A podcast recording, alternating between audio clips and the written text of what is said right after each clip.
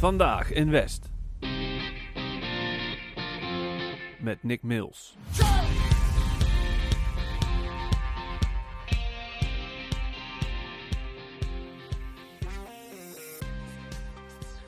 Welkom allemaal. Vandaag in West spreken wij Raymond Monis, hoofd van BPV-bureau. Raymond, welkom. Leuk dat je meedoet. Dankjewel, dankjewel. Ja, heel leuk om een keer op deze manier ook verder uh, informatie te kunnen verspreiden binnen de collega's. Yes. Hey Raymond, jij bent uh, hoofd van het BPV-bureau. Uh, ik vraag me altijd als eerste af, hoe gaat het bij het BPV-bureau? Ja, het gaat on, ondanks de omstandigheden eigenlijk heel erg goed.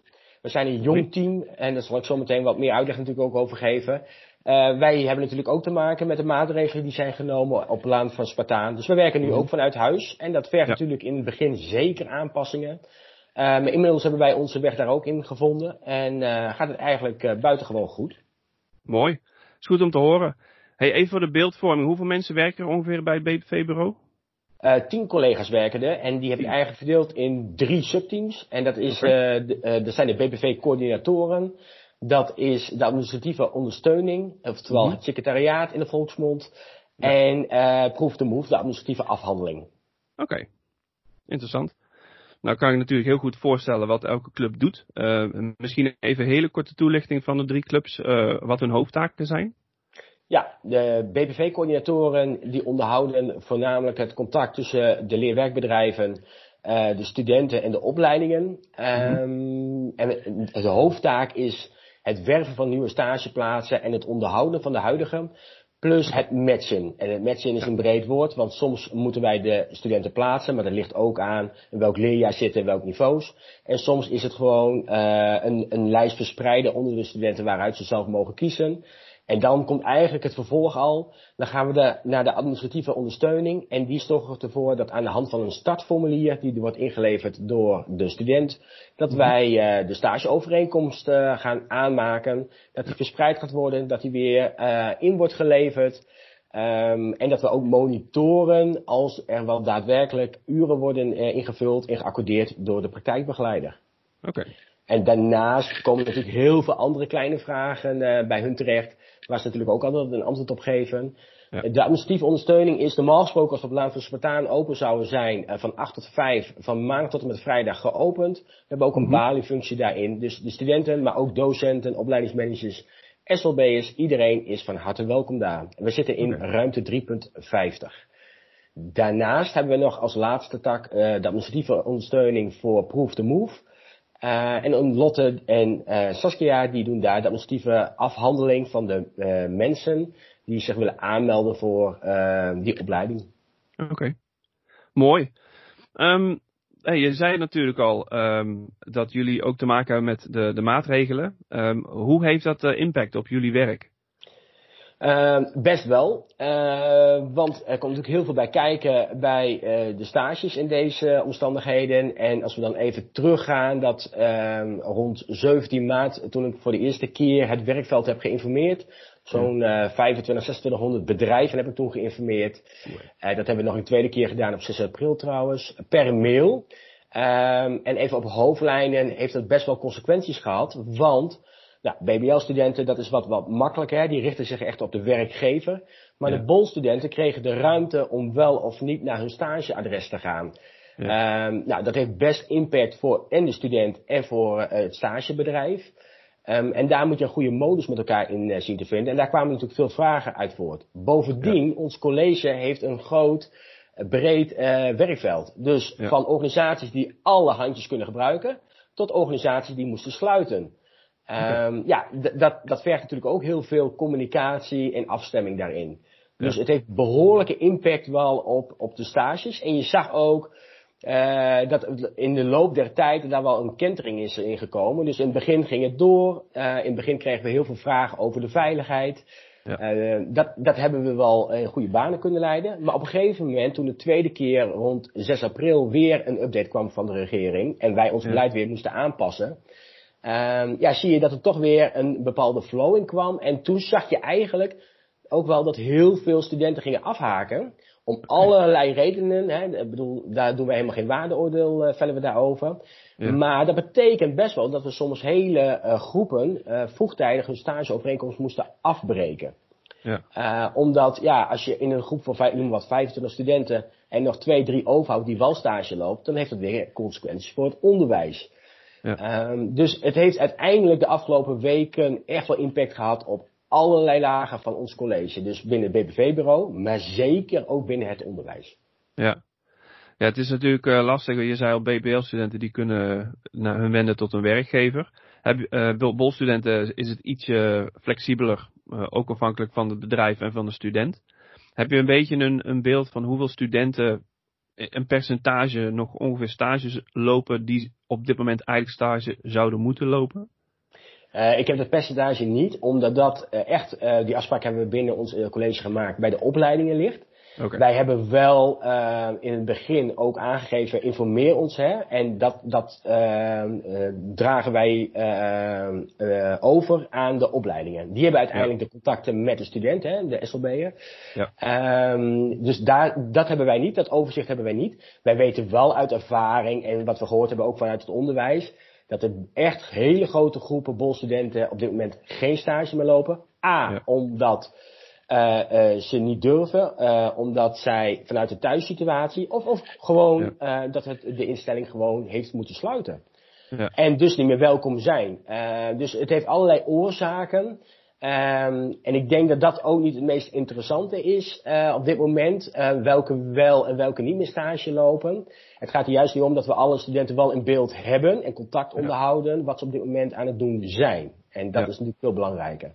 Ja, ja snap ik. Um, hoe, hoe is jullie ondersteuning dan naar de teams toe? Kijk, normaal gesproken zitten jullie vooral aan de stagekant, maar hoe zien jullie dat uh, de teams hierdoor beïnvloed worden door deze maatregelen? Nou ja, kijk, de onderwijsteams uh, hebben een onderwijsvorm gegeven. En natuurlijk nu vanuit afstand. Uh, mm -hmm. Proberen de studenten in beeld te houden en, en daar de contacten mee te onderhouden. En daar zitten wij dus vanuit het BBV-bureau ook gewoon niet tussen. Ja. Het enige wat wij wel doen is uh, soms de gesprekken met sommige bedrijven uh, en instellingen onderhouden.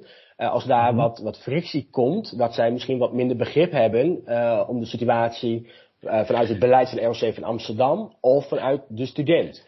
Kijk, ja. wat, je, wat je ziet in de praktijk is dat een student misschien wel bij Albert Heijn zijn of haar bijbaantje gewoon uitoefent door de week. Ja. Um, maar niet naar een stagebedrijf gaan. En, en dat roept vraagtekens op. En ja, ja dat probeer je gewoon door een goed gesprek met elkaar op te lossen. En ik moet zeggen, nou, voor 99% lukt dat ook altijd wel om dat begrip uh, te, te krijgen en te behouden. Gelukkig, dat scheelt. Ja, dan snap ik dat dat uh, vragen oproept, maar mooi dat in goede gesprekken dat dan inderdaad goed ge, uh, besproken wordt. Mooi. Um, zijn er ook studenten die naar jullie toe komen met vragen? Jazeker. Uh, die krijgen wij. En daar waar wij een antwoord op hebben, zullen we dat zeker uh, delen. Uh, mm-hmm. en, en, maar je ziet toch vaak dat het onderwijs gerelateerd is. En dan moeten wij uh, ja. de student toch weer terugverwijzen naar zijn eigen studieloopbaanbegeleider. Ja. Want wij gaan niet op de stoel zitten van het onderwijs. Ja, nee, snap ik. Oké. Okay. Nou, mooi. Um, hey, uh, misschien nog eventjes kort, uh, kort samengevat. Wat zijn nou de belangrijkste afspraken over uh, de stages? Nou, op dit moment, uh, en nogmaals, uh, afgelopen dinsdag heeft natuurlijk weer, uh, zijn er weer maatregelen of versoepeling aangekondigd. Daar ja. moet het ROC van Amsterdam maakt zijn beleid daar nog op. Aanstaande vrijdag, dus morgen 24 april, zullen we dan ook weer horen wat voor verruiming dat voor ons gaat opleveren. Ja. Dus maar de huidige stand van zaken is, een BBL-student richt zich op zijn de werkgever en daar waar hij onderwijs kan volgen op de lesdagen, zal hij dat ook dan gaan doen. Um, als hij daar toestemming heeft van zijn werkgever. De bolstudent heeft de vrijheid om wel of niet naar zijn stageplek te gaan, mits hij natuurlijk open is en de veiligheid en alle, alles wat uh, RIVM heeft aangegeven uh, gegarandeerd kan worden. Ja. Um, en als een bolstudent niet naar zijn stageplek meer kan, dan uh, volgt hij het onderwijs zoals die nu uh, wordt gegeven, gewoon volgens onderwijsperiode 4, volgens ja. het rooster. Um, en daarnaast hebben wij de afspraak met uh, de leerwerkbedrijven gemaakt en de opleidingen. Als er zicht is dat de student op enig moment weer terug mag komen, even los mm -hmm. van of het nou dagen of weken zijn, dan houden we de stageovereenkomst in stand. Anders komt er heel veel administratie bij kijken. Als Mhm. er geen zicht meer is, om welke reden dan ook, dan willen we hem vroegtijdig afbreken en dan, zoals wij dat binnen ons college dan noemen, het de vier proces in gang zetten. En dan moeten wij dus ook de informatie krijgen vanuit de onderwijsteams. Oké. Zie, zie je dan ook, ik weet niet of jij er beeld op hebt, maar dat er eh, bij andere eh, ROC-instellingen in de regio, zeg maar, eh, dezelfde soort afspraken of zie je daar ook variaties in? Daar zie, zie je zeker variaties in. Ehm, wij hebben wel veel voordeel bijvoorbeeld met ROC Topcontact. Eh, daar stemmen Mhm. wij ook wel mee af. Maar als je naar andere ROC's kijkt, het Horizon College, ROC Midden-Nederland, eh, Nova College. Ja. eh, dan zie je wel eh, dat er andere afspraken zijn of dat die tot andere besluiten komen. Ja, wat goed is of wat niet goed is, dat weten we echt achteraf. Uiteindelijk, hè, zoals Mark Rutte het zelf zei, met 50% van de kennis moet je 100% in besluit nemen. Dus achteraf kunnen we met elkaar vaststellen, eh, zijn het nou de juiste besluiten geweest? Eh, tot op heden hebben we wel met elkaar een modus hier gevonden. En wat ik al zei, in 90% van de gevallen eh, is het ook uitlegbaar naar de leerwerkbedrijven. Dus ik Ja. denk dat we echt op de goede koers zijn wat dat betreft. Ja, oké. Nou, dat is mooi om te horen. Hey, het is natuurlijk een bizarre situatie, maar er zijn ook dingen die nog steeds kunnen ontwikkelen tot een positieve uitwerking, ook op de lange termijn. Eh, dat zijn dan de zogenaamde kansen die, eh, die er zijn. Eh, welke kansen zie jij voor in de toekomst? Kansen, het, het, kan, het kan twee kanten op gaan, zeg ik altijd. Het kan één grote reclamespot zijn geweest voor ons college richting de zorg. Dus met de aanwas van nieuwe Mhm. studenten. Dat Ja. kan ook het niet zijn, dat weten we dus achteraf, misschien na dit schooljaar al. Ja. Eh, als ik kijk naar mijn eigen team, maar ook naar opleidingsteams, eh, de digitale vaardigheid is eh, enorm verbeterd de afgelopen weken. Dus dat is Ja. al een mooi resultaat. We kunnen leren hoe dat is met thuiswerken of een combinatie Ja. straks met thuiswerken. Heeft dat een positieve of een minder positieve uitwerking? Wat Ja. doet het met ons als persoon? Hè? Kijk, als je, als je binnen een team zit waar veel mensen vrijgezel zijn, om welke reden dan ook, ehm, dan merk je dat werk meer is dan alleen werk. Ehm, En dat moeten we zeker niet vergeten. Dus eh, daar leren wij ook allemaal van. Ja, Ja. en daarnaast, eh, eh, nogmaals, eh, we moeten de processen wat nog digitaal vaardiger maken, nog meer gebruik maken van eh, de, de digitale mogelijkheden, hè, Eduard, eh, eh, mail, Teams, eh et cetera. Ja. Ehm, maar dat betekent ook dat de studenten daar ook meer in mee moeten gaan. Ehm, Ja. En dat moeten we gewoon, ja, dat, dat kan een grote kans zijn voor de toekomst, dat het zich nog beter gaat ontwikkelen. Ja, nou mooi. Dat zijn behoorlijk wat kansen die ik daar eh, hoor. Hey, nog, eh, nog één laatste vraag. Ehm, wat zou je aan onze collega's willen meegeven? Een uitnodiging, een eh, groet of misschien een prikkelende vraag? Nou, allereerst schroom niet om ons een vraag te stellen. Ehm, wij proberen ook binnen de teams, kernteams, subteams binnen te komen om uitleg te geven waar ehm BPV-bureau MBO College West voor staat en Ja. wil voorstaan. Ehm, dus als je vragen hebt, kom bij ons. We kunnen nu niet fysiek eh, de deur openen. Maar digitaal staat de deur altijd open bij ons. Dus stel gerust een vraag. Niks is te gek.